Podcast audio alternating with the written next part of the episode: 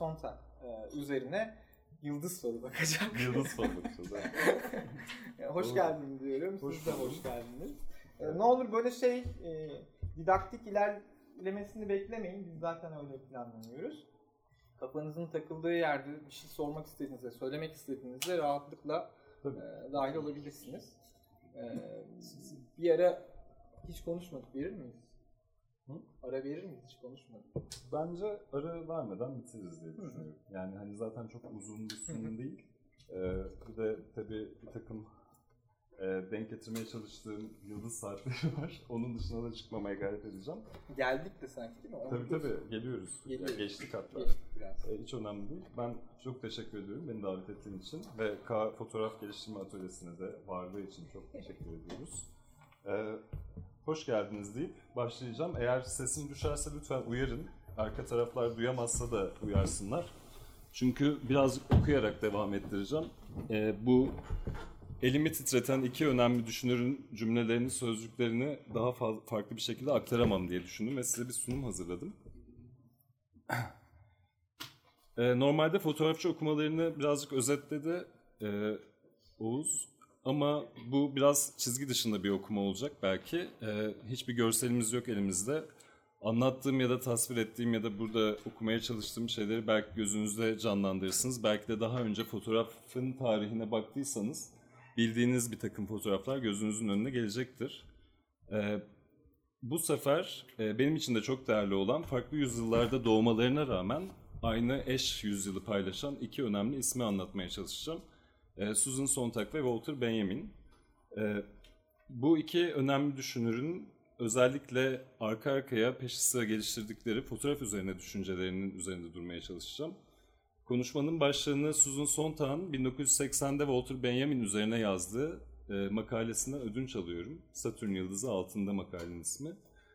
E, amacım fotoğrafı önce Susan Sontag'ın gözünden Walter Benjamin'e bakarak yaklaşmak. Bu çerçevede Benjamin düşünceleri arasında gezinmek.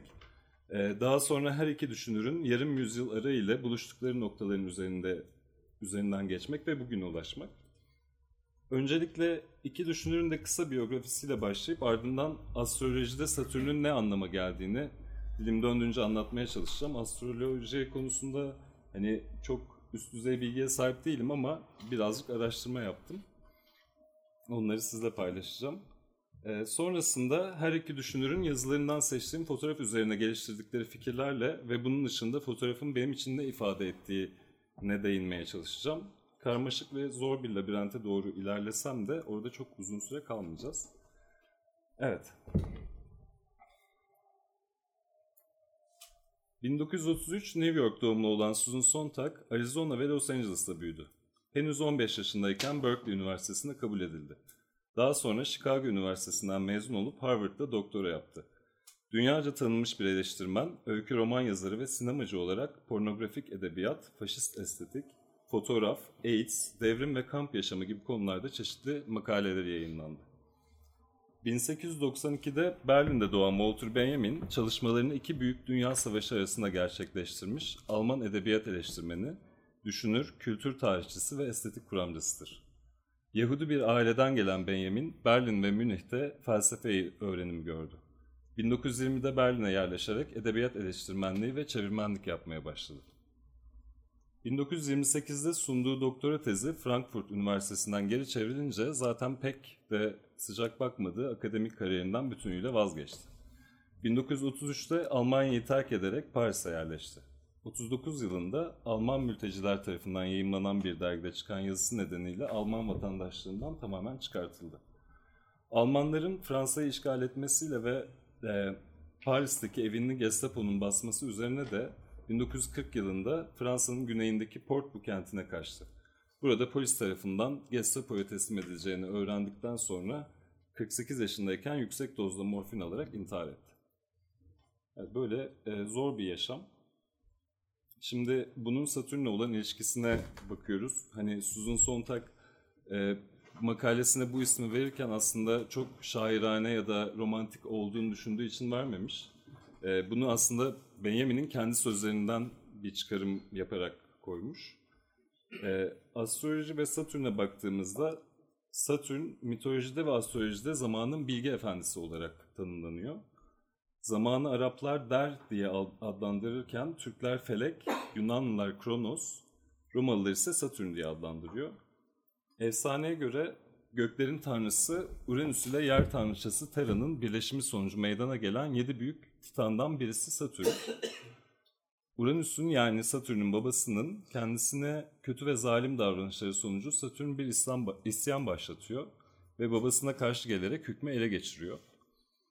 Ee, Satürn'ün zaferi bir süreliğine çok iyi karşılansa da kehanete göre çocuklarından biri de aynı şekilde kendisine karşı gelecek ve bir gün onun e, hükmünü ele geçirecek. Bu bilgi Satürn'ün günden güne evlatlarına karşı zalimleştiriyor ve en sonunda evlatlarını teker teker yutmaya başlıyor. Bu sebeple acı, kısıtlanma, daralma, yaz, melankoli kavramları Satürn ile bütünleşiyor. Satürn tesirine aldığı her varlığı zamana ve mekana bağımlı hale getirir. Daraltıcı, engelleyici, hizaya getirici bir rol oynadığı için büyük öğretmen olarak da bilinir. Kişinin yoluna türlü zorluklar çıkararak onun gelişmesini ister. Eğer kişi tekamülünü gerçekleştirir de beklenen gelişimi sağlarsa sonrasında mutlaka mükafatını alır diye geçiyor. Şimdi bu astroloji ile ilgili yaptığım küçük araştırmalar sonucunda tesadüf eseri bir bilgiye ulaştım. Ee, astrolojide gezegen günleri ve saatlerinden bahsediliyor. Haftanın her günü bir gezegenin günü ve her saati e, başka bir de gezegenin tesiri altında. E, ve astrolojide gün her zaman gün batımıyla sona eriyor ve bir sonraki gün gün batımından sonra başlıyor. Yani önce geceler yaşanıyor sonra güne geçiyoruz. Ee, normalde Cuma günü Venüs günü olarak geçiyor ki Venüs işte güzelliği, cinselliği, üretimi, sanatı temsil eden böyle e, yaratıcı potansiyeli çok yüksek bir gezegen. Ancak gün battığı için şimdi cumartesine geçmiş durumdayız ve cumartesi Satürn günü. E, bu enteresan bir tesadüf. E, ve Saturday de Satürn'den geliyor aslında. İşte mesela pazar gününde Sunday aslında güneş günü. Bu şekilde kadim bilgiler aslında şaşırtıcı bir şekilde bir araya gelmişler ve günlük hayatımızda geziniyorlar. Aynı zamanda gezegen saati olarak araştırdığımda eğer doğru sonuca vardıysam bugün 31 Ocak Cuma 19.13 itibariyle 20.23'e kadar Satürn saatindeyiz. 20-23'ten sonra ise Jüpiter saatine geçiyoruz. Şimdi Satürn kötücül bir gezegen ama 20-23'ten sonra bu bunalımdan kurtulacağız hep birlikte. Daha eğlenceli, daha rahatlatıcı, güzel bir saate girmiş olacağız. Satürn günü ne demek diye baktığımız zaman Satürn sabrı, dayanıklılığı, kalıcı, kalıcılığı, yorucu işleri, gerçekleri, odaklanmayı, yavaşlığı, engelleri, melankoliyi ve inzivayı temsil ediyor. Bugün başlayan işlerimiz sağlam ve kalıcı olur ama gerçekleşmesi sonuçların alınmasına uzun sürer ve sabır gerektirir. Kalıcı olmak istediğimiz her türlü aktiviteyi bugün başlatabiliriz diye bir bilgi var. Satürn saatine geldiğimizde ise bunun ağır bir saat olduğunu söylüyorlar.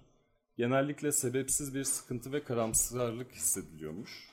Ee, sabır ve dikkat gerektiren işler yapılabiliyor.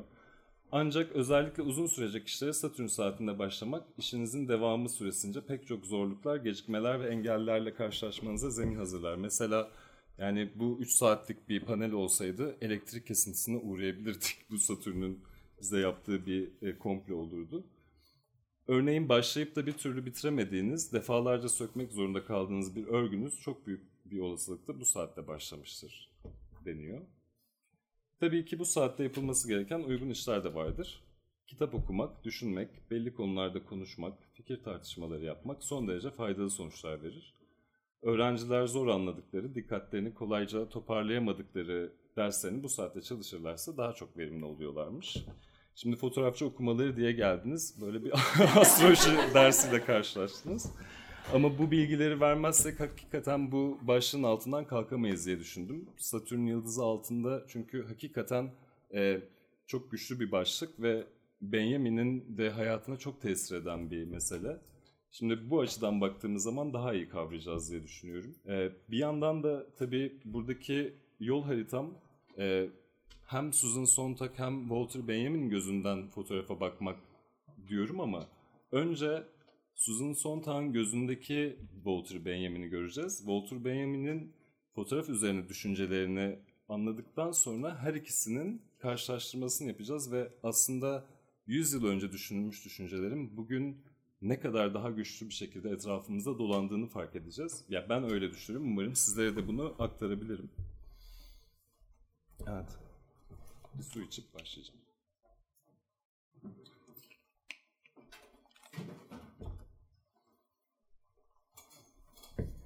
Benjamin, Fransızların deyişiyle untrist, hüzünlü biriydi. Şöleme bakarsak, gençliğinde hep kedere batmış biri gibi görünmüş. Modern psikolojik etkilere burun kıvırıp, geleneksel astrolojik bir tanıma başvururken kendisinin melankolik olduğunun kanısındaydı. Ben dünyaya en yavaş devrimin gerçekleştiği ve sapmalarla gecikmelerin gezegeni olan Satürn yıldızı altında geldim. Yapısı gereği melankolik olan Benjamin, gittiği okullarda ve annesiyle beraber çıktığı yürüyüşlerde insana yaraşır görünen tek hal yalnızlıktır diye düşünür.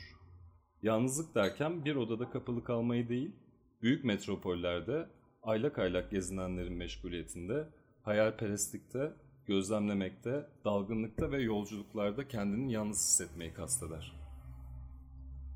Benjamin'in Satürn'ün etkisinin, etkisinin insanları kayıtsızlığa, kararsızlığa, yavaşlığa sevk et, ettiğini yazar. Yavaşlık, melankolik mizacın karakteristik bir özelliğidir. Pot kırmada başka bir özelliği. Ve bu özelliğin kaynağı çok fazla ihtimal bulunduğunu fark ediyor olmaktan, pratiklik duygusunun eksikliğini bilmekten meydana geliyor, geliyor olabilir diye yazıyor Susan Sontag, Satürn Yıldızı Altında isimli makalesinde. Makalenin senesini tekrar söyleyebilir misiniz? Makalenin senesi 1980. Sontag tüm bu sebeplerden ve inatçılıktan dolayı Benjamin'e dair her şeyden önce gördüğü şeyin üçte birini fark etmiyormuş izlenimi uyandıran bir bakış çıkarmıştır. Walter Benjamin fotoğrafın sıradanlaşmaya başladığı bir dünyaya doğdu. Benjamin'in doğduğu yıl ve şehirde 1892 yılının Berlin'inde fotoğraf, Burjuva ailelerin portre fotoğraflarını çektirmek için stüdyolara yaptıkları törensel ziyaretlerle pek çok insanın yaşamına girmişti ve bu Benjamin yazılarında birçok kez üzerine kafa yorduğu bir deneyimdi. Onun yorumuna göre bu mekanik yeniden üretim insanlığa saldırmaktaydı. İnsanları her geçen gün sadece birer sahne aksesuarı haline getiren, teknoloji, doğa ve toplumsal dünya arasındaki o işlevinden sapmış ilişkiyi açık seçik gösteren görüntüler ortaya koymaktaydı. Bu, Marx ve Engels'in 1848'de Komünist Manifesto'ya da tasvir ettikleri üzere sadece makinenin uzantısı olma durumunu, bu durumundaki işçi sınıfına münasır bir deneyim değildi. Benjamin, hali vakti yerinde ailelerin özgüvenlerini şaşırıcı fotoğraflar sunma amacına yönelmiş ticari fotoğrafçılık dünyasında böyle görüyordu. Şimdi Benjamin Marksist bir e, düşünür. Fakat şöyle de bir özelliği var. E, 1940'da öldüğünü biliyorsak eğer 1937'lere kadar neredeyse Marx'ı hiç okumamış. Fakat tüm söylemleri Marksist söyleme dahil. E, hayatının neredeyse sonuna saklamış Marx'ı okumayı. Onu da anılarında bir tren yolculuğu yolculuğunda fark ediyoruz. Elinde Kapital'in olduğu bir fotoğrafı var. 1931'de yayınlanan Fotoğrafın Kısa Tarihi makalesi fotoğraf tarihini birkaç sayfada hızla kat eder ve o günün fotoğrafçılar arasında kimleri tercih ettiği konusunda son bulur. Benjamin, fotoğraf tarihi boyunca kullanılan kimyasallarda, kağıtlarda, pozlama sürelerinde ve öznelerin verdikleri pozlarda gömülü toplumsal tarihsel izlerin peşini hiç bırakmamıştır. Fotoğrafın bir tarihi vardır ve fotoğraf tarihin kaydıdır. Bu çok önemli bir diyalektik. Bu tarih fotoğraflardaki biçimlerde tonlar, duruşlar, aksesuarlarda, odakta, pozlamada ve fotoğraflanan şeyin, şeyin daha geniş toplumsal tarihine ilişkin her şeyde fotoğraf teknolojisini üretmiş dünyada bu dünyanın sınıf mücadelelerinde, teknolojiyle arasındaki bağlarda, insanlık ve doğayla arasındaki ilişkilerde vuku bulur. Bu yüzden fotoğrafı çekilmiş ilk kuşaktan olanlar, Benjamin'e göre fotoğrafın insanın kendini yüceltmesi amacına ahirette bile hizmet edebileceğini henüz öğrenememişlerdi ve ürkek ürkek kabul salonlarının mahremiyetine çek- çekilmekteydiler. Örnek olarak filozof Arthur Schopenhauer'ın 1850'lerde koltuğuna gömülmüş halde çekilmiş fotoğrafını hatırlatır. Bu görüntüde şa- şaşalı bir benlik temsili yoktur. Söz konusu iyimser burjuvazinin yaşadığı alanlar pozlamanın yavaşlığında kişilerle birlikte fotoğraf levhasına yavaşça nüfuz eder. Benjamin böyle fotoğraflarda insanların ceketlerindeki buruşuklukların bile kılıcılık havasına sahip olduğunu düşünür.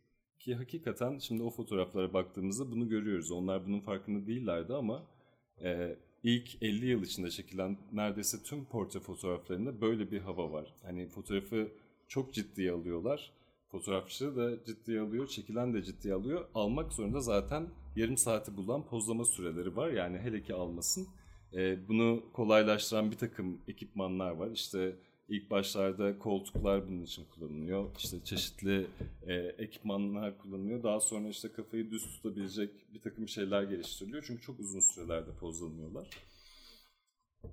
Ve hakikaten bu ceketlerindeki buruşukluk bile bir heykel gibi tarihin tozlu sayfalarına geçmiş oluyor.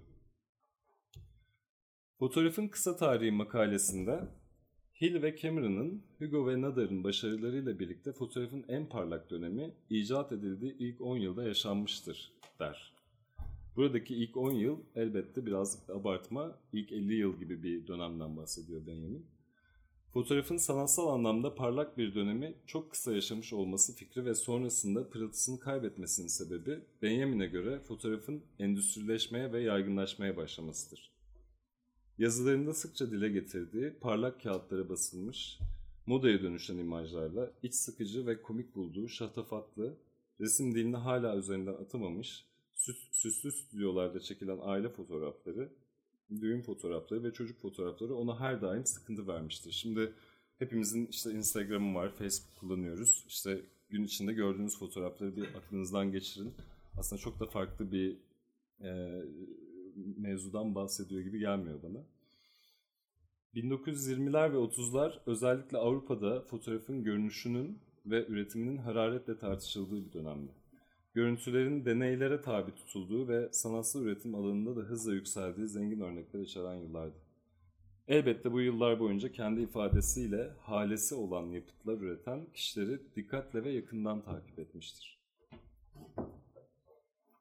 Dönemin önde gelen fotoğrafçılarıyla yakından ilişki kurmuş ve üretimleri üzerine hassas bir şekilde düşünüp yazmıştır. Özellikle Benjamin'in deyişiyle büyük manzaralara ve sözüm ona nişane değerindeki değerindeki görünümlere hiçbir zaman prim vermeyen Atye, Kral ve Sasha Stone gibi fotoğrafçıları yakından takip etmiş, hatta bazı fotoğrafları şahsi koleksiyonuna dahil ederek saklamıştır. Benjamin yazılarında da fotoğrafik bir üslup geliştirmiştir. Aynı zamanda fotoğrafik biçimde düşünür. Yani benleğin ve belleğin işleyişini fotoğrafın kavramları çerçevesinde tasavvur eder. Benlik, fotoğrafla birlikte o kadar güçlü bir biçimde yeniden kurulmuştur ki Benjamin insan ölürken yaşadığı hayatının gözlerinin önünden film şeridi gibi geçtiği klişesini hatırlatarak hala yaşamakta olan o kişi için hayatın fotoğrafla dile geldiğini gözlemler. Salt belge niteliğini taşıyan fotoğraftan öte bu niteliği aşan, içinde barındırdığı imgesel değer, yarattığı hisler ve oluşturduğu zemin açısından Benjamin'e göre fotoğraf hakikatli bir alacakaranlık sanatı olmalıdır. Fotoğrafın icadı ve gelişmesiyle elbette birçok alanı olumlu yönde etkilemiştir. Öte yandan fotoğrafın endüstrileşmesiyle beraber yaygınlaşması kendi özelinde sahip olduğu haleyi bozmuş, büyüleyici formunda olumsuz anlamda değiştirmekte tehdit etmiştir. Onun açısından pazarcılar ve şarlatanların yeni teknolojinin üstüne atlamış olmaları büyünün bozulma riskini getirmiştir. Şimdi bu açıdan baktığımız zaman Benjamin'in o erken dönemde hissettiği kaygının ne olduğunu çok daha iyi görüyor olmamız lazım. Çünkü bugün bile e, artık fotoğraf sanat mı değil diye elbette tartışmıyoruz ama fotoğrafa o şekilde ikilemli yaklaşan insanların kafasındaki platform bu zemin. E, çünkü hani denktanşöre bastığınız anda oluşturduğunuz bir şeyden bahsediyorlar. Hani bir ressam değilsiniz ki aylarca ya da günlerce tuvalin önünde zaman geçiresiniz ve o tuvalin oluşumunu izleyesiniz. Fotoğrafa hiçbir zaman öyle görünmez, görünmüyor. Hani bunu çok az e, kalben fotoğrafı bağlı insanlar bu şekilde görür. Yani hani yılların o denktaşların arkasında nasıl geçtiğini ya da düşünsel boyutta ne kadar ilerledi- ilerlenildiğini ve Benjamin'in aslında rahatsız olduğu bu üretim çağında, yeniden üretim çağında rahatsız olduğu şey e, bu mesaiyi ne fotoğrafçının ne izleyicinin bu fotoğraf karşısında harcamayışı. Benjamin'in düşüncelerinin üzerinden neredeyse 50 yıl sonra Susan Sontag 70'li yıllarda imajlarla çevrili bir dünyada yaşadığımızı ve oluşturulan bu yeni dilin bizden izin alınmaksızın bilincimize sert etkilerde bulduğunu düşünüyor. Evet yani bu fotoğrafın yeni heyecanlı zamanlarını geçtikten sonra tamamen e, 70'lerin New York'unu düşünün ya da Amerika'sını düşünün. Her şey fotoğrafik dil üzerinden gelişiyor ve hakikaten moda bambaşka bir yere gitmiş. İşte çağdaş sanat e, dört nala koşuyor. E, sanat müzeleri, işte her tarafta poz veren insanlar, işte Vogue'lar, şunlar bunlar ve onun içinde Susan Sontag bunu söylüyor. Bugün buradan baktığımızda Benjamin'in fazlaca haklı olduğunu, Susan Sontag'ın da kaygılarının su götürmez olduğunu apaçık görüyor ve hissediyor olmalıyız. Susan Sontag fotoğraflarla eğitilmiş olmak, daha eski, daha el emeği değmiş görüntülerle eğitilmiş olmaya benzemez. Bir kere etrafımızda bizi kendilerine dikkat etmeye zorlayan çok daha fazla görüntü var artık. Fotoğraflayan gözün bu doymak bilmezliği dünyamıza hapsolmuşluğun koşullarını değiştirmekte diye yazıyor bir makalesinde. Fotoğraf çekme girişiminin en görkemli sonucunun bize bütün dünyayı bir görüntüler antolojisi şeklinde kafamızın içine sığdırabileceğimiz duygusunu kazandırmak olduğuna dikkat, çek dikkat çekmek gerekiyor diye ekliyor.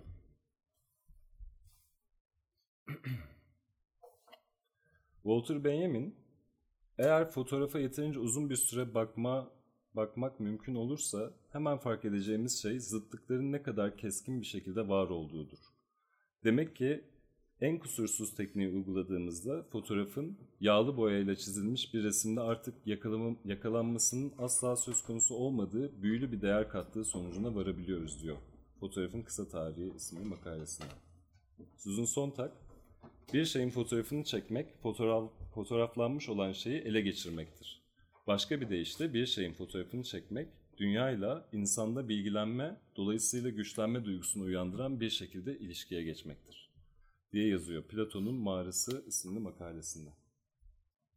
O halde Susan Sontag fotoğrafın aradan yıllar geçtikten sonra endüstrileşmesine ve çokça yaygınlaşmasına rağmen Benjamin'in onda bulduğu büyüyü hala muhafaza edilmesini ve içinde barındırdığını barındırdığını ve bu imge ve insanın bu imgeyle ne yapmaya karar vermesiyle ilgili olduğunu düşünüyor olmalı. Benjamin fotoğrafın gerçek kurbanı manzara resmi değil, minyatür portre olmuştur. Olaylar o kadar hızlı bir tempoyla seyretmiştir ki 1840 gibi erken bir tarihte bile sayısız min- minyatür ressam profesyonel fotoğrafçıya dönüşmüştür. Daha sonra negatif baskı üzerine rötuş yapma uygulaması yaygınlaştığında beğeni düzeyi gerilemeye yüz tutacaktı ki kötü ressamlar bu şekilde fotoğraftan öç almış oluyorlardı. Artık evlerin en serin yerlerinde, konsollarda ya da oturma odalarında albümlere rastlamak adete dönüşmüştü. Metal anahtarlı ve yaldızlı, parmak kalınlığındaki sayfalarla dolu bu deri kaplı albümlerde aptalca giyim tarzları olan ya da süslü püslü figürlere bakabiliyorduk diye yazıyor fotoğrafın kısa tarihinde. Yani o kadar e, derin bir mevzu yakalayan bir insan için tabii ki bu aile albümleri zırvadan ibaret. Yani hani bir tarafta bambaşka çığır açan bir keşif oluyor. Hakikaten e, düşünen insanlar için e, çok keskin bir dönüş noktası. Çünkü bilimden e, sanata birçok şeyin değişmesini sağlayacak bir keşif. Öbür tarafta tabii ki e, Burjuva bunu o kadar güzel hazmediyor ve o kadar güzel malzeme yapıyor ki kendine. Hemen evlere dağılıyor. İşte ilk parası olan insanlar hemen gidip fotoğraf çektiriyor. Bu bir modaya dönüşüyor. İşte yine e, ondan önce nasıl parası olan insanlar kendi resmini yaptırıp asabiliyorlardıysa aynı şekilde fotoğraflarını da ancak o şekilde çektirebiliyorlar. Yani Benjamin'in derdi aslında bunun toplumun neden alt tabakalarına da nüfuz edemediği. Zaten eğer e, daha fazla okuma yapacak olursak hemen onunla karşılaşıyoruz. Yani isimsiz insanların filmde ve fotoğrafta yüzlerinin ne kadar geç belirmeye başladığı. Yani no name insanların ne zaman fotoğraf için malzeme olmaya başladığını hemen düşünmeye başlıyor akabinde. Aslında fotoğrafın nedenli derin bir mevzu, mevzuya sahip olabileceğini ancak yaygınlaştıkça içinin ne kadar boşaldığından dertleniyor. Az önce dediğim gibi. Benjamin'in bu sözlerinden yine 50 yıl kadar sonra Sontag şu cümleleri yazıyor. Son dönemde fotoğraf neredeyse seks ve dans kadar yaygın biçimde yaslanan bir eğlenceye dönüşmüş durumda. Fotoğraf esasında toplumsal bir ritüel, endişelere karşı bir savunma siperi ve bir güç sergileme aracıdır. Fotoğraf makineleri aile hayatının olmazsa olmaz cihazlarıdır. Özellikle küçük yaşlardayken bir anne babanın çocuklarının fotoğraflarını çekmemesi ebeveynler adına ciddi bir ilgisizliğe işarettir. Her aile fotoğraflar vasıtasıyla kendi familyasının bir portre tarihçesini çıkartır. Şimdi Benjamin'in buradaki kaygısı e, üzerine 50 yıl geçtikten sonra bambaşka bir sorunsala dönüşüyor. Evet fotoğraf her eve giriyor. Zenginlerin elinden düşüyor. Toplumun bütün tabakalarına yayılıyor fakat bu sefer de o yüce aile e, kurgusunu sabitlemeye yarayan bir alete dönüşüyor.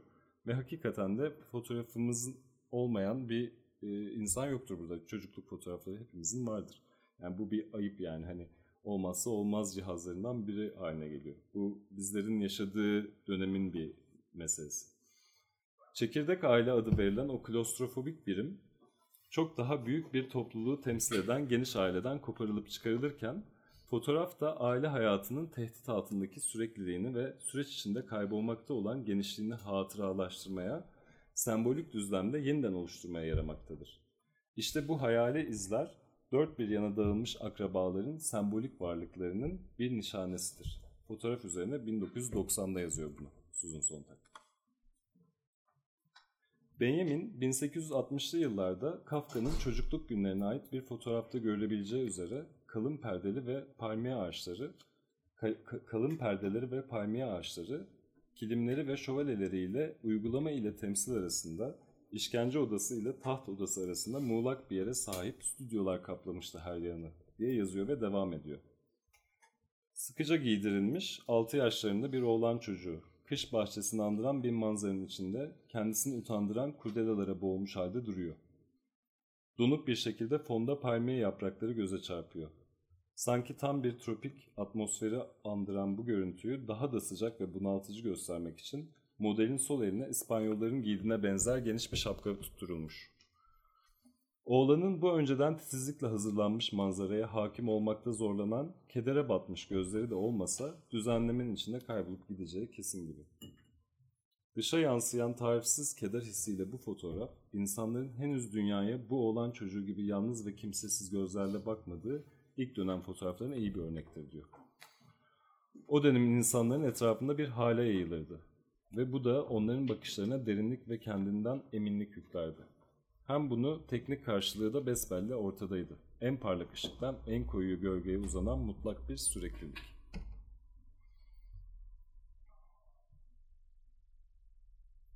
Benjamin'in yetiştiği dünyada fotoğrafla uğraşmanın özel ve kamusal, kolektif ve bireysel, etkin ve edilgen, üretken ve tüketim odaklı biçimlerin hepsi geçerliydi. Fotoğraf dünyaya aracılık etme faaliyetiyle iç içe geçmişti. Sadece tarihin bir aracısı olmakla kalmamış, hem zengin bir tarihe sahip olmuş hem de geleceğini sağlama bağlamıştı. Benjamin fotoğrafa dair dört bir yana saçılmış yazılarında ve müsveddelerinde bütün bunlara kafa yormuştur. Oluşturduğu düşünceler üretim, yeniden üretim, model, bakan kişi, fotoğraftaki zamansallık, fotoğrafçının ekonomik durumu ve bu durumun ressamın durumuyla karşılaştırılması ve bu çok enteresan bir anekdot. Bunu düşünmek hani o zaman kimin aklına gelirdi? Çünkü ressamların tam hegemonyasını ispatladığı ve gerçekten kazanmaya başladığı bir dönemin sonuna yaklaşıyoruz ve fotoğraf çıkıyor ve bütün onların işini ellerinden alıyor. Çünkü onların aslında yapamadığı şeyi yapan bir e, alet. Ama bir yandan da e, fotoğrafçılar birden piyasaya girdiği zaman inanılmaz para kazanmaya başlıyorlar ve hani ressamlar gerçeğin kötü bir kopyasını üretebilen insanlarmış gibi kenara itiliyor, itiliyorlar. E, fotoğrafla bağlantılı olarak sanatın ve zanaatın statüsü ki bunu hala bugün de konuşuyoruz maalesef. Kendisinin o ilginç hale kategorisiyle fotoğrafın ilişkisi, fotoğrafta bellek arasındaki ilişkiyi kapsar. Bugün kimi zaman fotoğraf Benjamin'in sıkıcı bulduğundan kat ve kat daha sıkıcı halde. Buna rağmen hala üzerinde halesini taşıyan, insanları keşfedildiği ilk zamanlardaki gibi heyecanlandıran güçlü bir medyum olmayı da başarıyor. Bir yandan fotoğrafın kendisinin de Satürn yıldızı altında doğmuş olması fikri benim aklımdan çıkmıyor. Çünkü e, konuşmanın başına dönersek hakikaten e, sınayıcı, zorlayıcı, e, zor bir kadere tabi tutulmuş gibi. E, bugün güncel sanat zemininde, zemininde hala e, bir sanat medyumu olarak görülmesine rağmen üvey ev- evlat gibi işte sonradan çıkmış, ortalığı mahvetmiş, dağıtmış, e, çoğaltılabiliyor üstelik, yeniden üretilebiliyor. O da bir sıkıntı. Her iki düşünür de bugün hayatta olsalardı bir yandan fotoğrafı çekile çekile yorgun düşmüş bu imgeler dünyasının karşısında hakikati bulunmayacak kadar şaşkın düşerlerdi. Öte yandan da bugünkü, bugünü sezdikleri için haklı olmanın kayıtsızlığını yaşarlardı.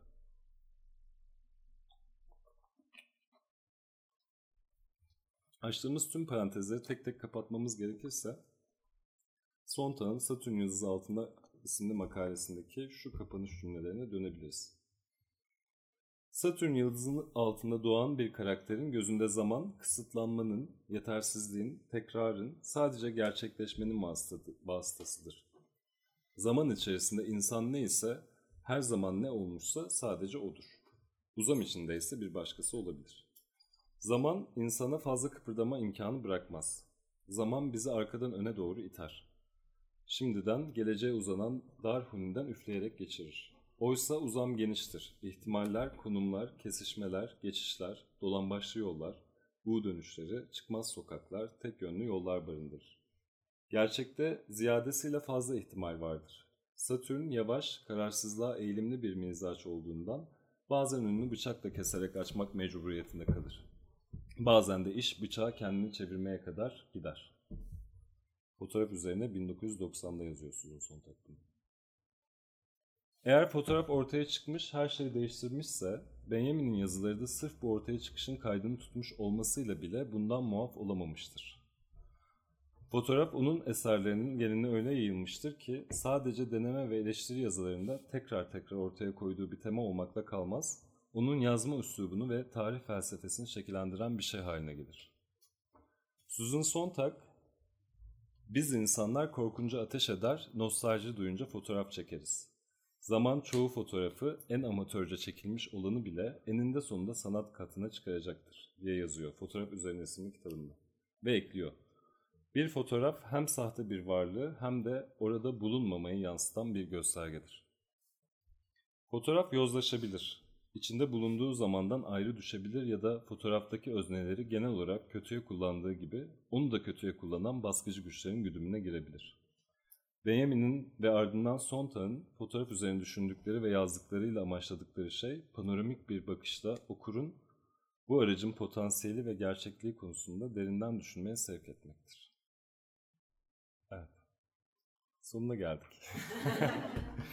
Şimdi e, ya ilgisi çekenler için bu yazıyı oluştururken faydalandığım, zaten hepsi de başucumda duran kitapların kısa bir listesini paylaşmak istiyorum. E, tabii ki Satürn Yıldızı altında Susan Sontag'ın Agora kitaplığından derlenen bir makaleler dizisi. Bu içindeki bir makale ama e, en önemli makaleleri var diyebiliriz. Fotoğraf üzerine 15-16 yaşlarındayken fotoğrafla ilgili ne okuyabilirim diye işte Dostu İmge'ye Ankara'da gezerken zaten şu kadarcık bir alan oluyordu fotoğraf kitaplığı. İşte orada karşıma çıkan ilk kitaptı fotoğraf üzerine ve benim de fotoğrafla ilgili bütün düşüncelerimi değiştirdi Susan Sontag. Daha doğrusu oluşturdu diyelim. Henüz bir düşüncem yoktu. Ve o yüzden belki de kendi eserlerimde, üretim e, metodumda da hiçbir zaman teknolojiyle ilgilenmedim. E, daha yüksek çözünürlüklü çeken fotoğraf makineleri, işte daha farklı objektifler hani teknolojik anlamda hiçbir zaman ilgimi çekmedi. Ben her zaman, her daim e, çekmek istediğim şeyin içindeki imgenin kendisiyle ilgilenmeye gayret ettim ve öyle etmeye de devam edeceğim. Çünkü e, o kompozisyon beni çok ilgilendiriyor. Yoksa işte bulanık, net, işte ne, neyle çekilmiş, nasıl yapılmış değil de ne anlatmaya çalışıyorsa. Mesela bir sanatçı eğer bir endoskopi görüntüsünü bize verecekse bunu çok net bir şekilde vermek istiyorsa evet o zaman bir şey ifade edebilir. Yani içini çok net göstermek istiyorsa yani buradaki manifestosu çok önemli. Ama işte blur içinde, gran içinde bir fotoğrafla bir şey anlatmak istiyorsa okey yani onun içinde ne anlattığıyla ilgilenmek istiyorum ben. Ee, o yüzden fotoğraf üzerine her zaman başucumda. Her okuduğumda hem gül- güldürüyor beni. İşte Susan Sontag'ın zekası hem e, tekrar tekrar düşünmeme sebep oluyor. Başkalarının acısına bakmak bir başka Susan Sontag şaheseri. Yine Agora kitaplığından çıkmış versiyonu var. Onu tavsiye ederim. Susan So- Sontag bilincin kapısını arılamak. Bu e, Jonathan Cott'la birlikte yaptığı Rolling Stones söyleşisi. Aslında kısa bir söyleşi yapmak için buluşuyorlar fakat o kadar iyi anlaşıyorlar ve söyleşi o kadar zenginleşiyor ki iki şehire bölmek zorunda kalıyorlar. Bir kısmı Paris'te gerçekleşiyor, bir kısmı New York'ta gerçekleşiyor ve yaklaşık 80-90 sayfalık bir kitap haline yer, e, çıkıyor. Çok güzel bir söyleşi. E, Susan Sontag'ın tüm e, hayat boyu ürettiği birçok şeyi konu edinen bir söyleşi. E, ve onun sohbet dilinden e, dinleyebiliyorsunuz ki bir başka çok önemli isim Roland Barthes ile ilgili de çok fazla düşüncesi var ve yakın bir arkadaşlıkları da var zaten. E, tek yön Walter Benjamin Yapı Kredi yayınlarından. E, bu da e, Walter Benjamin'in kendi hatıralarıyla ilgili yazmış olduğu pasajlar. E, başı ve sonu yok, uçuşan düşünceler gibi ve çok etkileyiciler. Ee, yine Walter Benjamin fotoğraf yazıları Esther Leslie kolektif kitaptan çıkmış. Fotoğrafın kısa tarihi elbette Walter Benjamin gene Agora kitaplığı. Ee, böyle katılmak isterseniz, sormak istediğiniz bir şeyler olursa seve seve cevaplarım. Ve artık zaten Jüpiter saatine geçtik. Eğlence başlasın. Evet.